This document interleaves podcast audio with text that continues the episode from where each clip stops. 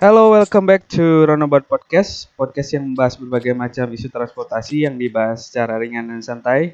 Bersama saya Insan Rido. Uh, episode 38 dari Roundabout Podcast. Uh, setelah sebulan yang lalu kita ngebahas tentang sepeda, setelah pandemi ini mulai merebak, nampaknya sepeda menjadi pembicaraan hangat di antara kita semua. Jadi tidak salah sepertinya untuk membicarakan membicarakan lebih jauh soal sepeda. Nah, kali ini uh, ini versi pertama dari Roundabout Podcast yang menghadirkan dua tamu sekaligus. Jadi uh, luar biasa. Jadi episode ini cukup spesial. Ya, uh, jadi tamu pertama itu Estiara.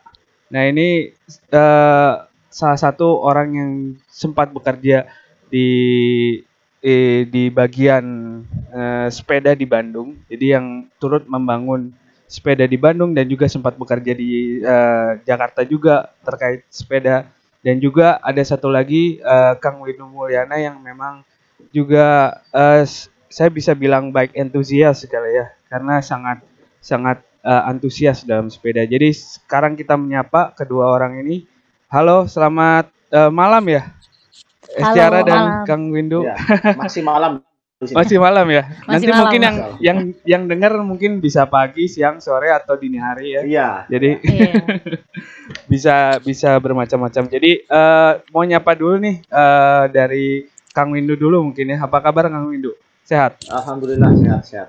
Oke, Kang Windu bisa ceritain nggak sedikit lah mungkin latar belakang dari Kang Windu apa yang bisa diceritain mungkin? Uh, ya perkenalkan nama saya Windu, Windu Mulyana. Uh, kebetulan saya sekarang tinggal di Bandung.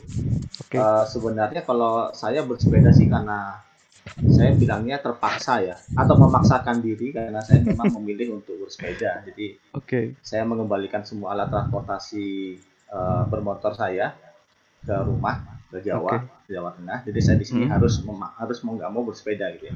Hmm. Uh, saya sempat bekerja dengan lembaga internasional juga uh, Save the Children namanya selama empat -hmm. tahun untuk program keselamatan jalan khusus untuk uh, pelajar SD dan okay. SMP di Kota Bandung.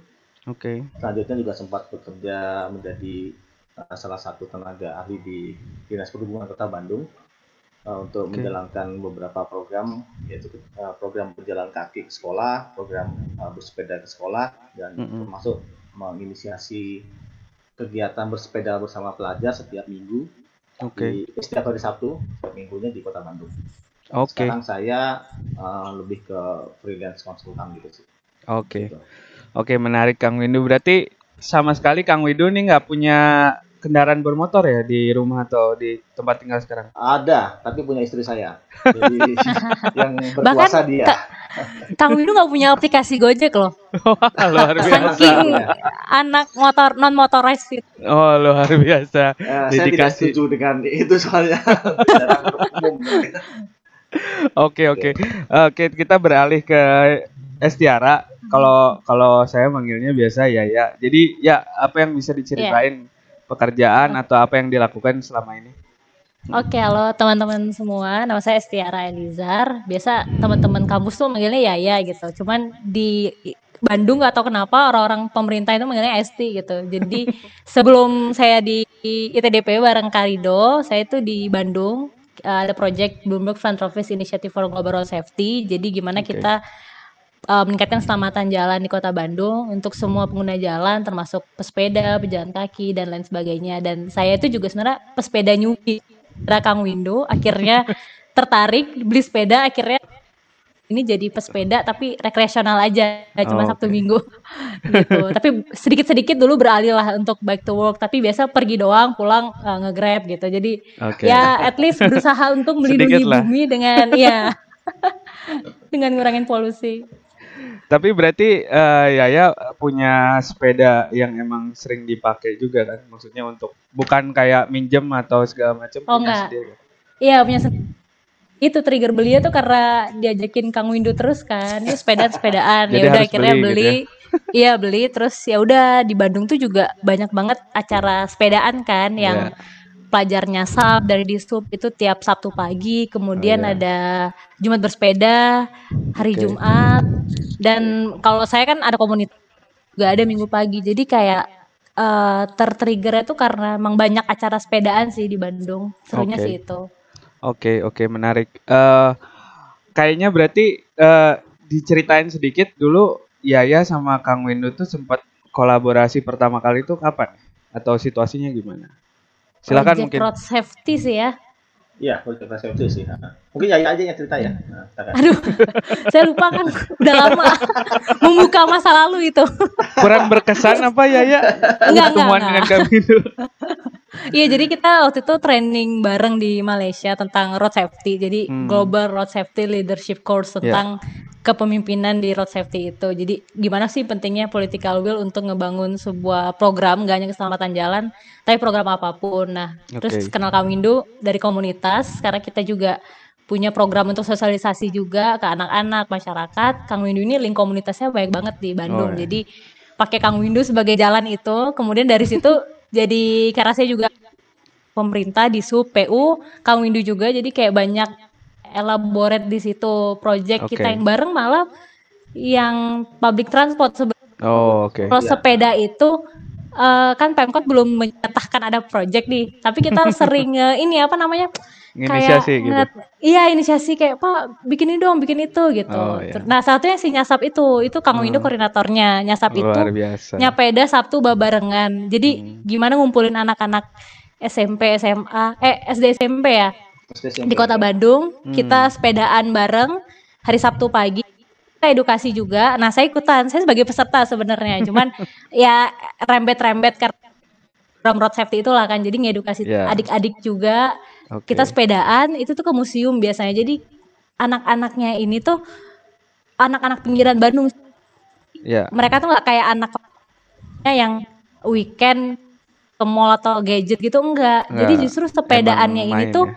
Bahkan mereka nggak punya sepeda. Jadi sepedanya ini dipinjemin dari sepeda Boseh, bike sharingnya Oh. Kota Bandung. Nah, Menarik. itu sih menarik. satu program Kota Bandung yang menurut saya keren banget. Yang saya nggak punya sepeda akhirnya beli sepeda dan ikut itu tuh konsisten. Bahkan terakhir saya ikut tuh kita ke ITB. Jadi Hmm. eh ke dosen-dosen ITB kita ajak anak-anak ini lihat nih kampus yang ada kota ada di kota Bandung yang top gitu kan terus di sana ternyata anaknya juga antusias gitu Oh, maksudnya oke. pinter-pinter nanyanya tuh yang berat-berat kita yang wah kalau dibilang apa di pinggiran tapi eh mindsetnya bener-bener kritis keren ya, sih mereka. gitu Kritis ya ya, oh kritis ya. Iya, mereka kritis. bener Oke. nah itu Kang Oke. Windu koordinator juga Oke. Pak Heru Iya. Oke, oke. Menarik, menarik. Eh, berarti pertemuannya sudah banyak pengalaman, sudah banyak momen-momen bareng. Nah, sekarang mungkin sedikit beralih sedikit ya. Mungkin sebagai eh, pertanyaan singkat mungkin sekalian mengenang. Ini dulu kalau saya nanya Kang Windu dulu deh karena tadi eh, Kang Windu eh, menceritakan soal gimana antusiasmenya dalam bersepeda. Kang Windu inget nggak dulu pertama kali punya sepeda tuh sepeda apa, warna apa gitu? Ingat nggak Kang Windu? Saya pertama kali eh, punya sepeda waktu SD ya. SD waktu itu bapak masih tugas di Sumatera Barat di Kota Padang. Mm-mm. Eh, jenisnya BMX gitu ya. Warnanya biru biru biru biru biru eh, ya gitulah biru biru yang nggak jelas gitu lah. Iya iya iya. iya. Dan itu pengalaman touring pertama saya. Saya waktu itu nyepeda. Wah, kecil-kecil udah 30-an touring ya kan kurang kerjaan kayak dibilang katanya. Jadi kan saya termasuk anak yang bengal mungkin ya. Jadi Iya. pulang sekolah tuh biasanya nggak langsung pulang, saya main dulu gitu, sepeda. Dan waktu itu hari libur, habis eh, pagi selesai eh, sholat subuh di masjid itu, terus kan ada biasanya ada pengajian. Jadi saya nggak ikut ngaji, saya nyepeda. Nah, nyepedanya itu dari kota Padang, tengah kota sampai ke Teluk Bayur itu saya itu sekitar pakai Google Maps kan sekitar 30-an kilo lah.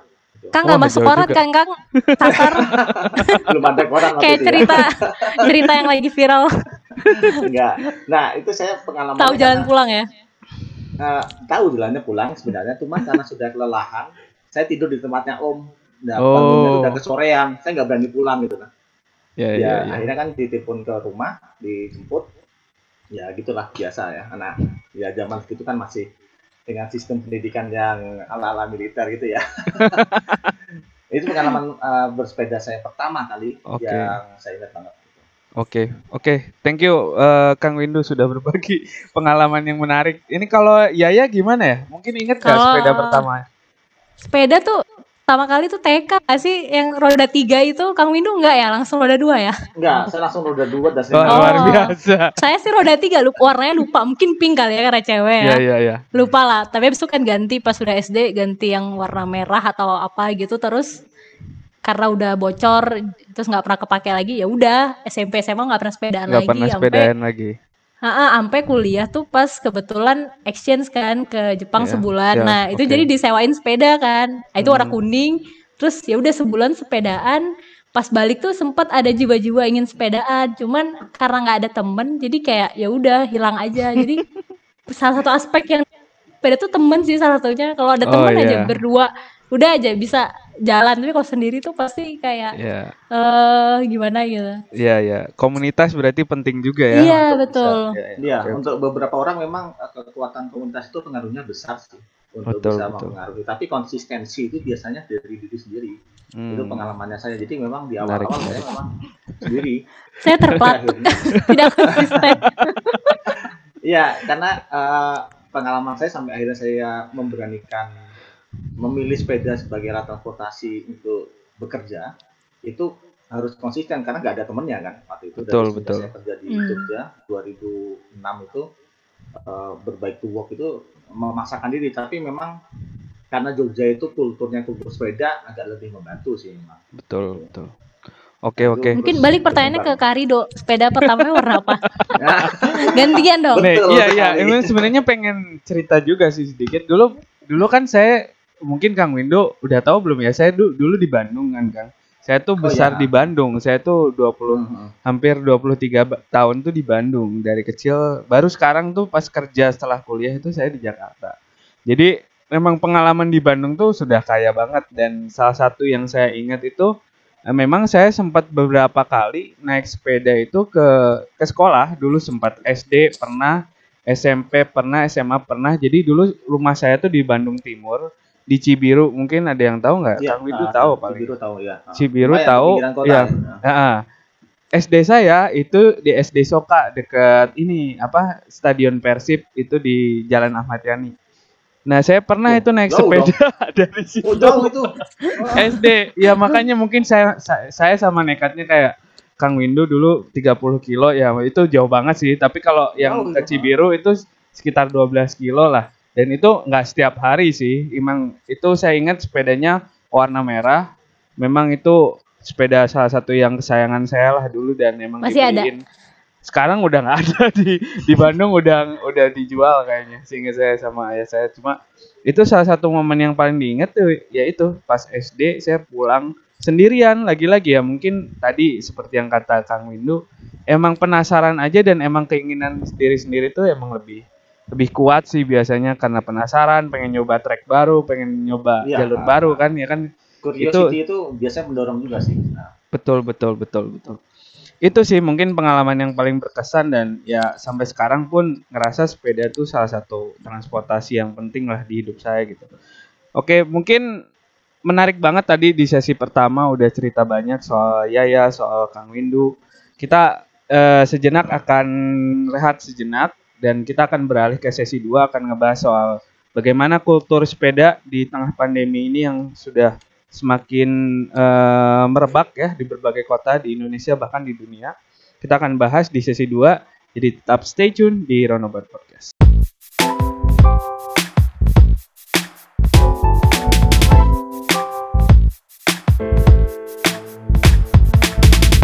Welcome back to Ronobat Podcast. Ya, kita kembali di sesi 2 masih bersama Yaya dan Kang Windu.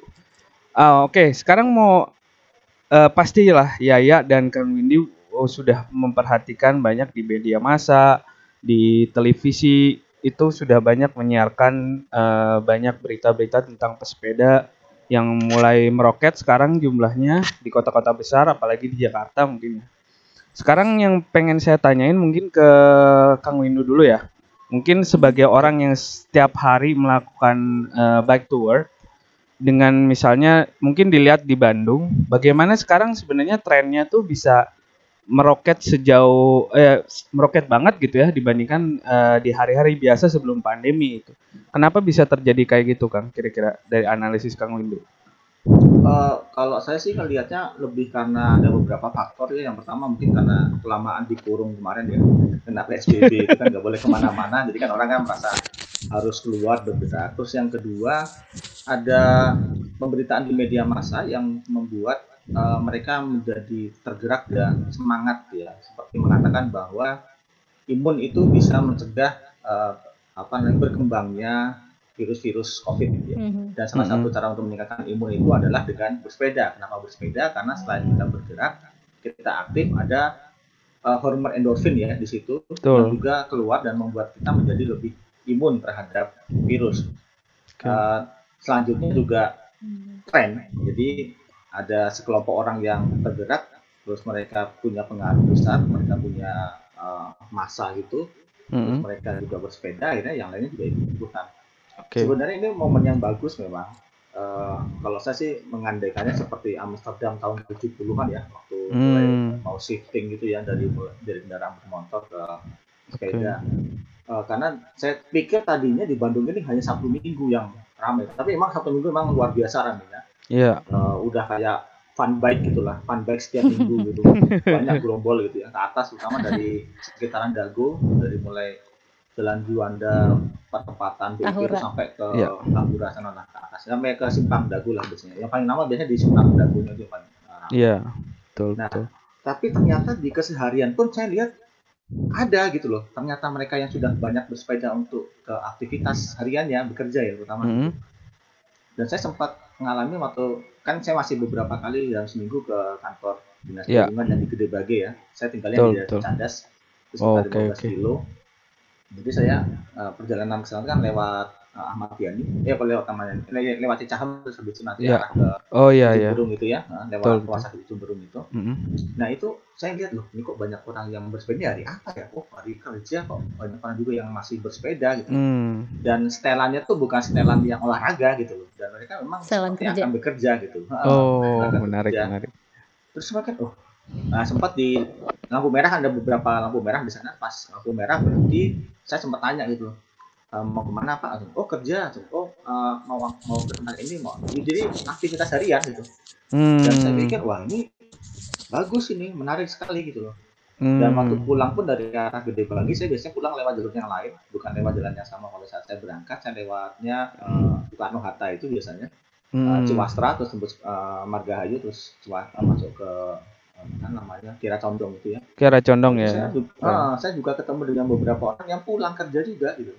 Oh, Terus, menarik. Oh, iya iya iya berarti memang ada satu perubahan paradigma yang saya pikir ini menarik kalau dijadikan sebuah kajian yang memang komprehensif yeah. ya. Kita okay. lihat juga gitu. Dan okay. uh, eh, ini yang harusnya memang ditangkap oleh pemerintah dan difasilitasi karena momen ini nggak bisa terjadi, nggak mungkin terjadi dua kali gitu. Dan yeah, kalau yeah. momen ini euforia ini bisa di uh, di manage dengan baik dan di shifting ke arah menjadi sebuah budaya itu bukan main luar biasa. Bisa okay. saya, sih berandai-andai uh, 30-40 persen aja dari orang yang bersepeda setiap satu minggu itu mau melakukannya setiap hari itu udah sangat membantu kota Bandung. Hmm, betul betul betul. Dalam banyak hal. Oke okay, oke. Okay. Uh, eh, kalau misalnya sekarang kayak ya nih mau nanya ya kira-kira tuh ini tuh sekedar tren doang karena pandemi atau emang sebenarnya orang-orang tuh kayaknya bakal shifting secara permanen ke ke baik ya, terutama orang-orang yang commuting mungkin. Kira-kira gimana ya prospeknya mungkin? Kalau shifting secara permanen sih aku nggak berani jamin ya karena kan di dalam masa pandemi ini orang-orang yang biasanya naik transportasi massal terus sekarang transportasi massal diturunkan kapasitasnya orang-orang akhirnya hmm. beralih ke sepeda karena kan naik motor juga nggak okay. mungkin dan mostly mungkin mereka nggak punya kendaraan pribadi juga kan tapi ya itu hmm. sepanjang gimana pemerintah bisa ngambil momen ini dan oke nih kita catch momen ini sebagai momen bagus infrastruktur disediain mungkin nanti bike sharing dibanyakin juga atau mungkin ya kayak di negara mana tuh ada subsidi buat pembelian sepeda bahkan jadi kan yeah. orang-orang jadi semakin oke okay nih kayak shifting ke sepeda ini salah satu cara nih yang mungkin nextnya akan bisa berubah jadi budaya gitu kan tapi emang kalau di Bandung sendiri kan sebelum ada pandemi ini emang tren bersepeda itu udah tinggi banget kan. Kalau kayak di komunitas hmm. komunitas aku bilangnya itu casual cycling culture. Jadi kita sepeda itu hmm. sebenarnya buat have fun, buat ngopi-ngopi dan lain-lain gitu. Ada yang back to work tapi nggak semua. Tapi dari situ kayak sebenarnya udah uh, memicu gitu kayak oke okay, okay. next bisa di sebagai apalagi ada pandemi kan. Ketika semua orang sepedaan, kita jadi kayak oh sepedaan nggak sendirian kok gitu. Soalnya kayak hmm. di negara-negara Jepang, Belanda gitu-gitu kan semua orang pada sepedaan karena memang semua orang sepeda gitu. Jadi kita nggak yeah. akan merasa sendirian, gitu. sendirian gitu. Nah, ya. Mungkin uh, mungkin kalau misalnya emang fasilitas disediain, orang-orang juga rame, kita juga nggak akan uh, malu atau kayak males mager lah ya sepedaan betul, buat betul. Uh, moda transportasi kita gitu. Oke. Okay. Nah, ini gua nambahin dikit ya. Ya, boleh, uh, boleh, boleh, Kang. Jadi kalau Gimana? saya sih melihatnya orang bersepeda itu tipikalnya 3 plus 1 ya. Yang pertama itu uh, bersepeda karena dia nggak punya pilihan. Jadi itu salah satunya hmm. Itu Anda. itu Anda. Captive ya, captive, okay. captive. oh, bukan, bukan saya sebenarnya. Itu, oh, bukan. itu orang yang memilih untuk bersepeda. Jadi dia oh, punya yeah. moda okay, transportasi okay. pribadi, motor, mobil, dia punya mungkin lebih, tapi dia memilih dengan sadar Luar biasa ini. Yang ketiga itu karena ikut-ikutan karena tren. Hmm, ya. Yeah. Nah, ketiga itu saya jenis kayaknya. ini, ketiga jenis ini uh, konsistensinya berbeda. Jadi oh, kalau yang pertama, kalau yang tidak punya pilihan, karena ekonomi biasanya. Kalau ekonominya baik, dia bisa berubah untuk tidak bersepeda. Oh iya betul betul betul. Nah, lalu yang kedua, ini yang lebih konsisten karena dia sudah sadar memilih untuk bersepeda walaupun dia itu anda. Bukan saya juga sebenarnya.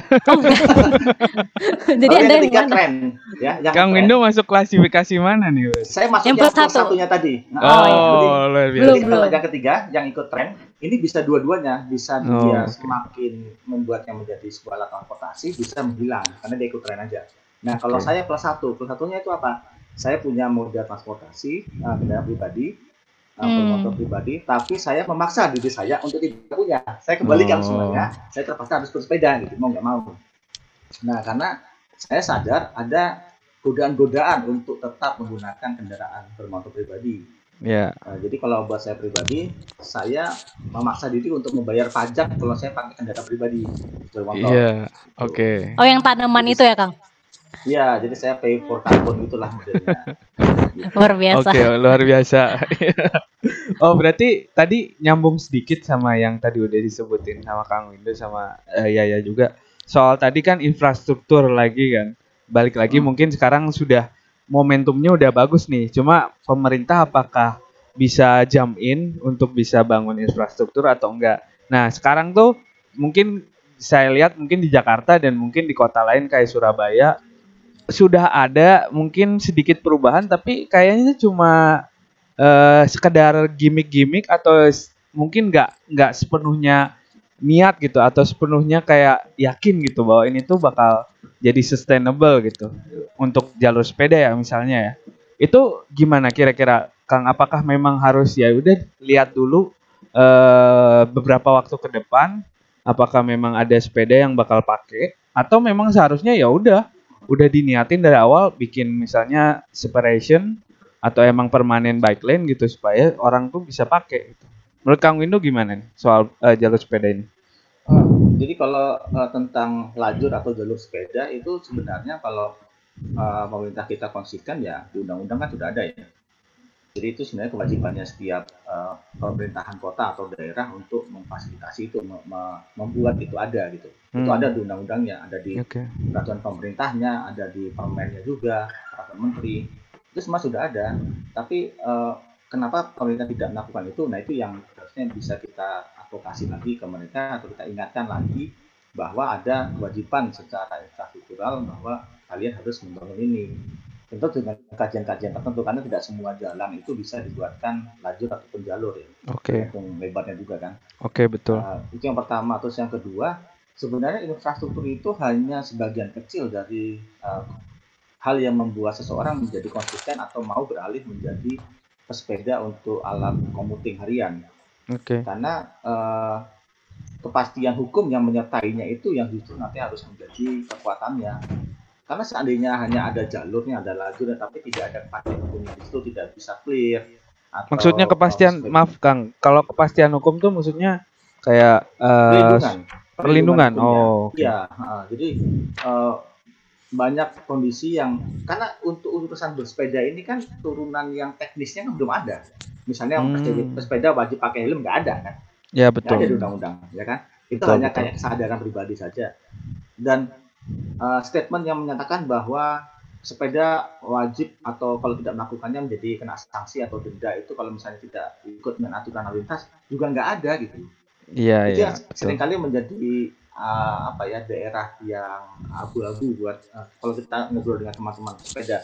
Cuman kalau kita pakai rasionalitasnya bahwa semua yang ada di jalan raya itu harus ikut dengan aturan lalu lintas karena selain membahayakan diri sendiri itu juga membahayakan uh, pengguna kendaraan lain ya dan jalan itu okay. kita sifatnya siap terus dan kita harus berbagi. Oke. Okay. Nah, uh, agak kompleks memang kalau misalnya agak panjang, tetapi kewajiban utamanya dulu deh, misalnya penyediaan untuk lajur-lajurnya ini. Uh, memang kondisinya sekarang tuh sepertinya memang uh, diada-adain ya. Tapi kalau saya pikir lebih baik seperti itu deh daripada nggak ada ya. Oh, oke okay, oke. Okay.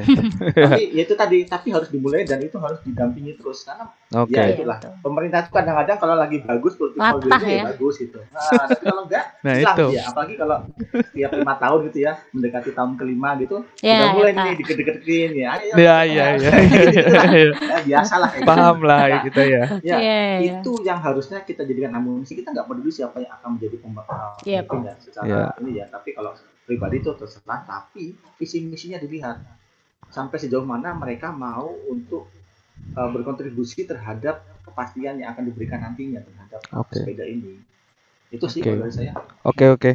kalau Yaya sendiri nilai sebenarnya bike lane gitu perlu nggak sih atau sebenarnya perlu ngembangin trennya dulu atau kulturnya dulu gitu menurut Yaya sendiri sebenarnya sebenarnya bisa paralel sih kayak momentum ini kan kita nggak nyangka-nyangka nih ternyata ada hikmah di balik pandemi corona orang-orang jadi ke sepeda gitu. Yeah. Tapi memang uh, fasilitas itu hal yang utama karena kan okay. tanpa ada demandnya pun sebenarnya di, di peraturan pemerintah wajib menyediakan jalur sepeda yang bersamaan dengan trotoar kan bahkan sebenarnya okay. di trotoar pun kita boleh loh pakai itu sebagai jalur sepeda kita gitu bahkan hmm. dulu di Bandung tuh di Dago tahun 2000 berapa ya 14 15 itu ada jalur khusus sepeda kan di trotoar. Oh, Waktu yeah. itu saya saya sempat mau jadi ini tuh bahan riset uh, tesis hmm. gitu cuma karena kalau ngomongin keselamatan pesepeda datanya nggak ada. Yang gunain juga nggak ada. Jadi akhirnya take out akhirnya jadi pedestrian safety doang risetnya. Yeah, tapi yeah. itu seru sebenarnya. Dulu udah ada ternyata pas uh, trotoar direvitalisasi hilang si jalur sepedanya kan? Hmm, aneh kan? Tapi ketika aneh. ada pun dipakai malah jadi PKL. Nah, jadi hmm. pemerintah kita itu makanya sebenarnya political will-nya ini paling penting sih infrastrukturnya ada, di mana nanti akan muncul sendiri gitu. Dibandingkan hmm. ketika demand-nya ini sekarang udah ya, tapi ternyata nggak ada infrastruktur. Itu kan membahayakan hmm. pesepeda juga gitu kan. Ya.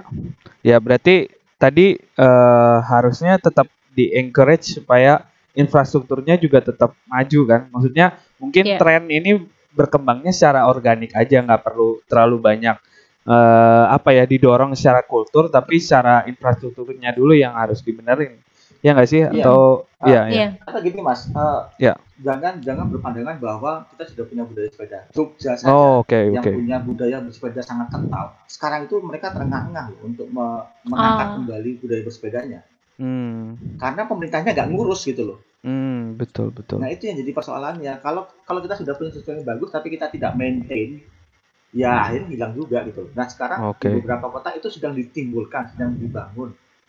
Angka baiknya pada saat dibangun ya konsisten, jangan cuma sekedar ya janji-janji politik habis itu uh, karena ada tekanan-tekanan jangan memang kan undang-undang sudah ada aturan sudah okay, ada okay. sudah ada ya, iya. aja sebenarnya gitu. kita okay. bisa nuntut nggak sih sebagai warga negara Indonesia yang baik bisa yeah. bisa kan lagi digagas sama teman-teman baik to work itu mau betul betul betul uh, citizen lawsuit itu kan oh iya iya iya ya betul betul Oke oke menarik banget tadi pembahasan soal tren sepeda selama pandemi ini dan juga jalur dan lajur sepeda yang mungkin sudah diinisiasi beberapa kota, cuma kita tetap harus lihat konsistensi dari pemerintah dan juga dari stakeholders yang lain untuk bisa mensupport ini gitu.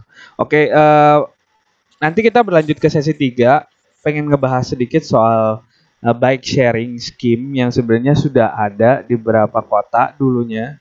Di Bandung sempat ada, di Jakarta juga sempat ada, tapi sekarang kok uh, sepertinya belum bermunculan ya, terutama yang emang skemanya lebih besar gitu. Kita bakal bahas soal itu dan juga uh, bagaimana uh, masa depan dari kultur sepeda ini terutama di Indonesia gitu.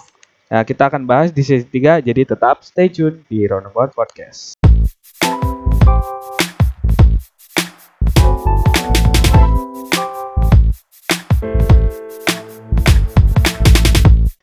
Kembali lagi di Roundabout Podcast uh, masih bersama Kang Windu Mulyana dan Estiara Elizar.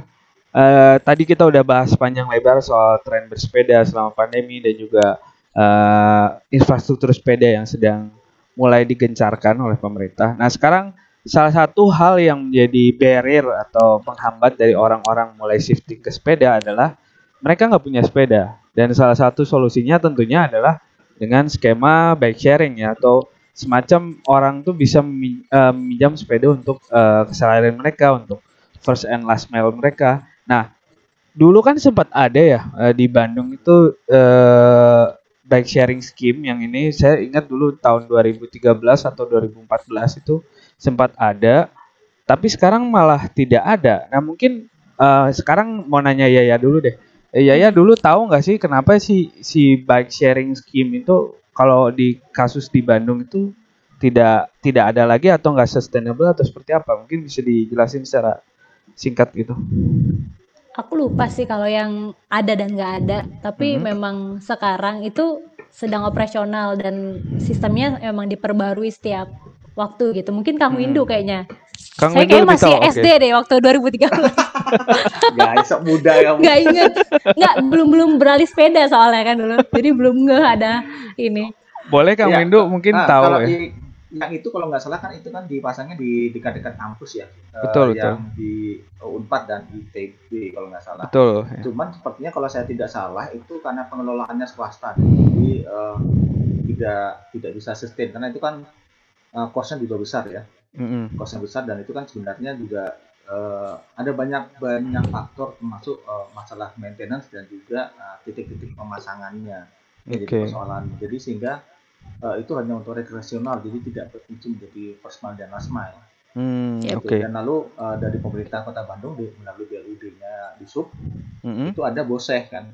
Oh iya boseh. Ya, Pak Ridwan Kamil ada boseh. Nah, 2018 kalau saya tidak salah mulai inisiasinya itu sempat booming dan sekarang memang sedang dalam sebenarnya waktu itu sempat bagus dan uh, demandnya juga tinggi tapi sekali lagi uh, sepeda bike sharing itu sepertinya belum bisa berfungsi menjadi first mile last mile jadi oh, hanya sifatnya okay. itu uh, rekreasional dan juga hmm. untuk pariwisata gitu lah tapi memang uh, sempat menjadi ikon kota Bandung untuk pariwisata karena hmm. fungsinya memang untuk shelter-shelternya itu diposisikan di lokasi-lokasi yang memang ya instagramable dan juga mungkin juga sangat yeah. untuk uh, bersepeda gitu ya titik-titik okay. shelternya itu itu cukup bagus demandnya tinggi uh, tetapi saya pikir memang ada persoalan internal di dalamnya sehingga cepat mm -hmm. down dan pada saat akan naik kembali ternyata sekarang ada pandemi ini jadi sempat okay. tutup dulu uh, operasionalnya dibenahi lagi karena harus melalui prosedur uh, amanat hmm. kesehatan tadi ya okay. protokol kesehatan itu. Yeah. Tapi sekarang sudah bahkan waktu lagi sih. Waktu Gimana saya masih di Bandung, Kang, di Bapelitbang itu diwajibin semua kar apa staffnya bikin kartu bose. Jadi kayak hmm. trigger minimal PNS. Eh, nah gitu. Itu, okay. itu kalau nggak salah November tahun lalu deh. Jadi hmm. orang bosnya datang ke kantor Bapak Litbang terus semuanya disosialisasiin dan wajib punya kartu itu gitu. Tapi setelah Tapi punya kartu dipakai nggak? Nah, itu kurang tahu sih. minimal hari Jumat, Jumat bersepeda. Oh, eh, kan iya, iya. Jumat itu pagi minimal olahraga. kan. Terdata lah iya. ya. Ada fotonya Tapi habis keringetan ada, gitu. Ya. Iya. at least ada apa ya? Ada keinginan mereka untuk yuk shifting yuk plat. Hmm. Udah ada uh, inisiasi. Saya gini Kang sebenarnya kalau yeah. untuk masalah bersepeda ini, kalau kita pendekatannya dari saya ini sempat saya ngobrol dengan beberapa teman termasuk uh, beliau yang sekarang menjabat menjadi kepala dinas PU yang tadi mm -hmm. kepala dinas perhubungan Pak Didi itu. Yeah. Kan beliau kan seorang pejabat karir ya, tetapi beliau konsisten untuk bersepeda. Bahkan semenjak mm. 2018 saya kenal beliau tuh beliau selalu bersepeda ke kantor Hmm, uh, okay. Jadi beliau mengatakan bahwa kalau pendekatan yang dilakukan adalah pendekatan regulasi atau peraturan atau pemaksaan ya dengan kata lain, mm -hmm. itu nggak akan lama gitu loh. selama betul. yang melakukan memberikan regulasi itu memberikan contoh dan melakukannya iya tapi setelah berganti hmm. oh dan tidak lagi ya udah selesai tetapi kalau pendekatannya budaya kebutuhan akan eh, kebutuhan yang menjadi budaya itu akan konsisten akan panjang mm-hmm. yeah. nah betul. bagaimana kita me- melakukan treatment untuk bisa menjadikan ini sebagai sebuah budaya. Nah itu yang harusnya dicari formulanya. Sampai sekarang masih okay. dicoba lagi. Nanti kayak ada yang kurang tambahin lagi kayak gitu terus sama nah, teman-teman komunitas tuh bergeraknya seperti itu sekarang. Oke okay, oke. Okay. Oke berarti kira-kira ini kayak ya nih sekarang mau mm-hmm. nanya kira-kira skema bike sharing itu emang bisa sustainable nggak sih dengan mungkin ada bisnis scheme yang lebih jelas mungkin dengan sekarang kan kita tahu mungkin kekhawatiran pihak swasta mungkin yang akan terjun ke bike uh, bike sharing ini uh, banyak vandalisme mungkin ya di Indonesia yeah. pencurian segala macam. Tapi kira-kira mungkin gak sih untuk diterapkan di Indonesia, let's di Jakarta mungkin yang lebih mm -hmm. banyak uh, tripnya mungkin atau gimana menurut ya? Menurut saya pribadi ya, kalau hmm. atas opini pribadi sih segala kemungkinan itu pasti mungkin ada gitu. Karena kalau dilihat dari negara lain mereka semua berhasil kok gitu kan tinggal gimana kita maintain skema yang udah kita pilih dan dijalaninnya benar-benar dengan pengawasan yang yang ketat gitu benar-benar mm-hmm. pemerintah juga political willnya juga nggak cuman yang karena sekarang kepalanya A eh, bapak A oke okay, setuju nanti bapak A ganti ganti kepala bapak B terus tiba-tiba hilang nah itu biasanya yeah. tuh program-program pemerintah tuh banyak lemahnya di situ mm. gitu jadi kayak Kang Windu bilang tadi juga kan sebenarnya uh, ya itu kalau ada penegak ya, kalau misalnya cuman ya itu cuman sekedar aja gitu tapi kalau benar-benar dijalanin dengan baik pengawasannya yeah. ada siapa pun yang mau masuk uh, untuk menanamkan investasinya pasti harusnya bisa sih oke okay, oke okay. kalau pengalaman uh, Yaya sendiri kalau melihat kira-kira di Bandung sama di Jakarta itu sebenarnya lebih potensial mana ya kalau buat bike sharing kira-kira dari segi kotanya atau tripnya atau karakter orangnya gitu kira-kira gimana ya? Kalau Bandung tuh karena kotanya kecil ya, jadi kayak kompak ke mana-mana. Tadi juga kita hmm. juga kotanya kecil, kompak, lebih mudah untuk mengatur orangnya. Yuk pindah shifting hmm. sepeda. Kalau Jakarta kan kota besar kan. Hmm, betul. Nah yang kalau misalnya orang-orang yang yang, yang pinggiran tang luar border Jakarta itu agak sulit yeah. Memaksa mereka untuk berpindah gitu. Tapi kalau yeah, yang yeah. rumahnya emang deket itu mudah gitu. Jadi mungkin yeah. Bandung punya potensial ya karena keuntungan kotanya yang kompak itu sih. Oke. Okay, okay, Dan okay. Bandung beruntungnya tuh banyak yang hadiahnya sepeda lah, yang apalah fun bike kayak kata Kang Windu tadi. Yeah, Jadi yeah. kayak tiap orang Nah, kayak mungkin kayak saya sepedaan tuh kenapa? Karena itu tren culture budaya orang-orang yang bersepeda. Akhirnya saya tertrigger, yuk sepedaan yuk gitu kan. Ya, kayak okay. tadi Pak Didi. Pak Didi tuh plus satu ya Kang tipenya ya. Iya. Iya, ya, beliau punya kendaraan lain, tapi beliau memilih untuk bersepeda. Yeah. Nah, itu saya amazed sih karena ketika yeah. saya lihat beliau beliau kepala dinas orang sibuk mana-mana tapi kayak masih sempat bersepeda dan memberikan contoh jadi kayak nggak cuman bilang yuk bersepeda tapi beliau okay. juga langsung ini saya bersepeda loh nah itu sih oke okay, oke okay. ya, kita butuh yang pemimpin-pemimpin yang role model ya Uh. Jadi yang memang melakukan apa yang dikatakan gitu. Iya. Oke oke. Gak om doang. Iya iya itu memang jadi PR besar buat kita semua. Dan mungkin sebagai pertanyaan penutup ya ini dan ini sebagai sebuah ekspektasi dan juga harapan ini mungkin ke Kang Windu dulu. Kira-kira itu Indonesia itu punya potensi nggak sih untuk mencapai kultur bersepeda seperti layaknya di Amsterdam, let's say, atau Copenhagen? Itu kira-kira Indonesia ada nggak sih arah ke sana, Kang, dengan tren sejauh ini gitu? Bisa, bisa banget, bisa banget. Indonesia tuh bisa banget dan uh, kalau kita sebenarnya kalau menilik agak jauh ke belakang, hmm sebelum uh, serangan masif dari uh, para dealer kendaraan bermotor. Ya. Yeah. Itu kan kita kan rata-rata kan pakai sepeda ya orang-orang mm. itu. Mm-hmm. Jadi uh, memang waktu itu tidak ada pilihan. Cuma sebenarnya memang itu harus dibangkitkan lagi. Kita punya beberapa kota besar yang memang punya budaya bersepeda kuat dan itu masih uh, bisa dipelihara, ditimbulkan, okay. dibangkitkan lagi. Dan ada beberapa kota metropolitan yang mengarah kepada pemikiran-pemikiran uh, sustainable transportation kan. Jadi hmm. kalau di kota-kota besar mungkin arahannya adalah untuk kesehatan, mengurangi polusi, okay. uh, dan juga nanti uh, ekonomi juga. Tapi kalau yeah. di kota-kota kecil mungkin uh, kita pakai strategi yang berbeda gitu ya. Tapi semua okay. sangat bisa dilakukan asal itu tadi uh, from top to down-nya itu semuanya bergerak bareng. Pemerintahnya, masyarakatnya, komunitasnya, okay. media masanya, um, apa, yep. uh, perusahaan-perusahaan swasta itu semuanya uh, satu satu visi misi pemikirannya sama. Hmm, gitu. Betul betul. Nggak mudah memang. Uh, saya dengan teman-teman yang bergerak di hal semacam ini termasuk uh, teman-teman baik work yang sudah dari 2000 berapa itu uh, 5 atau 8 ya hmm. uh, bergerak untuk itu saja memang mengakui bahwa banyak banget kendalanya tapi bukan berarti uh, itu tidak bisa itu tantangan okay. kita memang okay. dan itu saya pikir masih sangat bisa dilakukan karena okay. ya sekali lagi ini bumi itu bukan milik kita, kita cuma pinjem kan dari anak kita. Asik. Menarik banget ini. Betul banget emang salah satunya considerationnya dari bike culture ini tentunya pas di Belanda kita tahu salah satunya adalah uh, considerationnya selain soal safety untuk anak-anak dan juga uh, soal sustainable uh, transport kan yang memang di Eropa udah jauh lebih berkembang.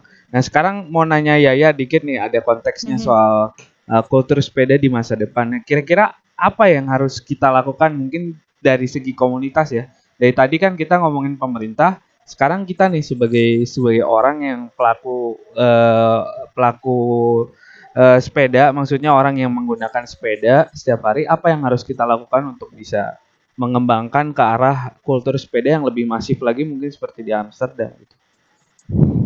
Iya, kalau misalnya untuk pengembangan lebih masif lagi sih, komunitas itu salah satu kunci ya. Karena kayak uh, awalnya saya pas punya sepeda itu belum masuk komunitas. Jadi kayak setelah enam bulan, enam bulan, delapan bulan baru diajak, barulah coba-coba masuk. Dan ternyata pas masuk seru banget. Jadi kayak agak nyesel kenapa telat ya masuknya. Jadi kayak komunitas-komunitas yang ada itu kan banyak nih. Tapi jangan sampai jadi kayak apa ya? Berdiri sendiri-sendiri. Sekarang tuh kan kita hmm. banyak lihat kan komunitas merek sepeda A, B, C okay. yang akhirnya jadi gitu. Harusnya jangan sih, harusnya yeah. disatuin dalam satu komunitas besar kayak misalnya bike to work atau eco transport. Yeah. Jadi kita kita nih kemarin tuh lihat di pada yang bilang kayak kangen deh sepedaan dengan bermacam-macam merek sepeda tanpa harus kayak yang halo merek A yeah, main yeah. merek B kayak gitu kan. Nah itu betul, sih kayaknya betul. untuk ngebangun ini biar jadi semua yeah. orang apa pun sepeda ya tetap kita satu sama sama berjuang untuk nyelamatin bumi untuk mengurangi polusi bumi merawat bumi kayak gitu sih intinya oke okay. Oke okay, oke. Okay. sepedanya yang penting digoes ya, jangan. Iya. betul betul betul betul. Karena sebenarnya kayak kita sepedaan aja nih, yang misalnya di kota yang masih sedikit gitu. Kadang kita ketemu sepeda lain tuh kerasa seneng loh. Ya? Iya seneng terus kayak uh, kering-kering terus kadang-kadang mereka ngebantuin kita buat nyebrang itu tuh Iya. Aku tuh iya. nggak nggak pernah loh kayak gitu. Betul. Tuh kalau lu yeah. mau belok belok aja nggak ada yang bantuin. Iya. Yeah, Sepeda yeah. tuh bener-bener orangnya seinisiatif itu. Gitu. Yeah. Kang Windu gimana? Ada pengalaman? Uh, ya. Berbagi sedikit pengalaman. Uh, saya kan beberapa kali, ya hampir setiap tahunnya kalau pulang kan memang bersepeda juga. Uh -uh. Dan setiap kali saya melewati kota-kota yang saya lewati, kota-kota kecil gitu ya, uh, Tasikmalaya atau uh, Banjar, Purbalingga uh -huh. gitu-gitu, uh -huh. saya tuh ngeliatin orang-orang masih bersepeda loh. Hmm. Tapi memang bukan yang muda-muda gitu loh saya. Yang udah tua-tua ya. Jadi yang yeah, yeah, sepeda yeah. ontel. Nah sepeda motor gitu kan. Nah saya sempat waktu itu berhenti di sebuah kota kecil gitu di yeah. masih Jawa Tengah juga perjalanan yeah. saya pulang. Uh, saya ngobrol dengan si ibu yang jual minuman gitu ya di pinggir hmm. jalan.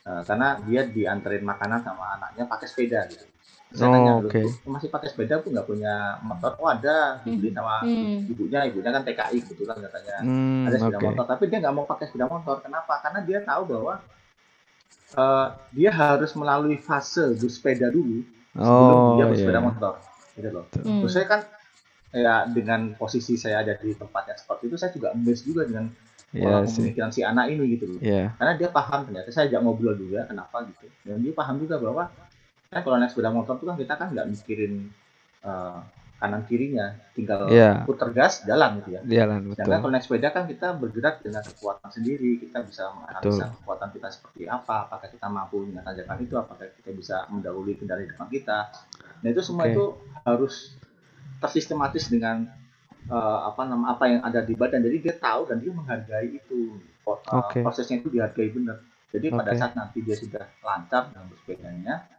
dan itu mungkin setelah SMA dia akan naik sepeda motor dengan cara seperti itu dia bisa lebih menghargai pengguna jalan lainnya.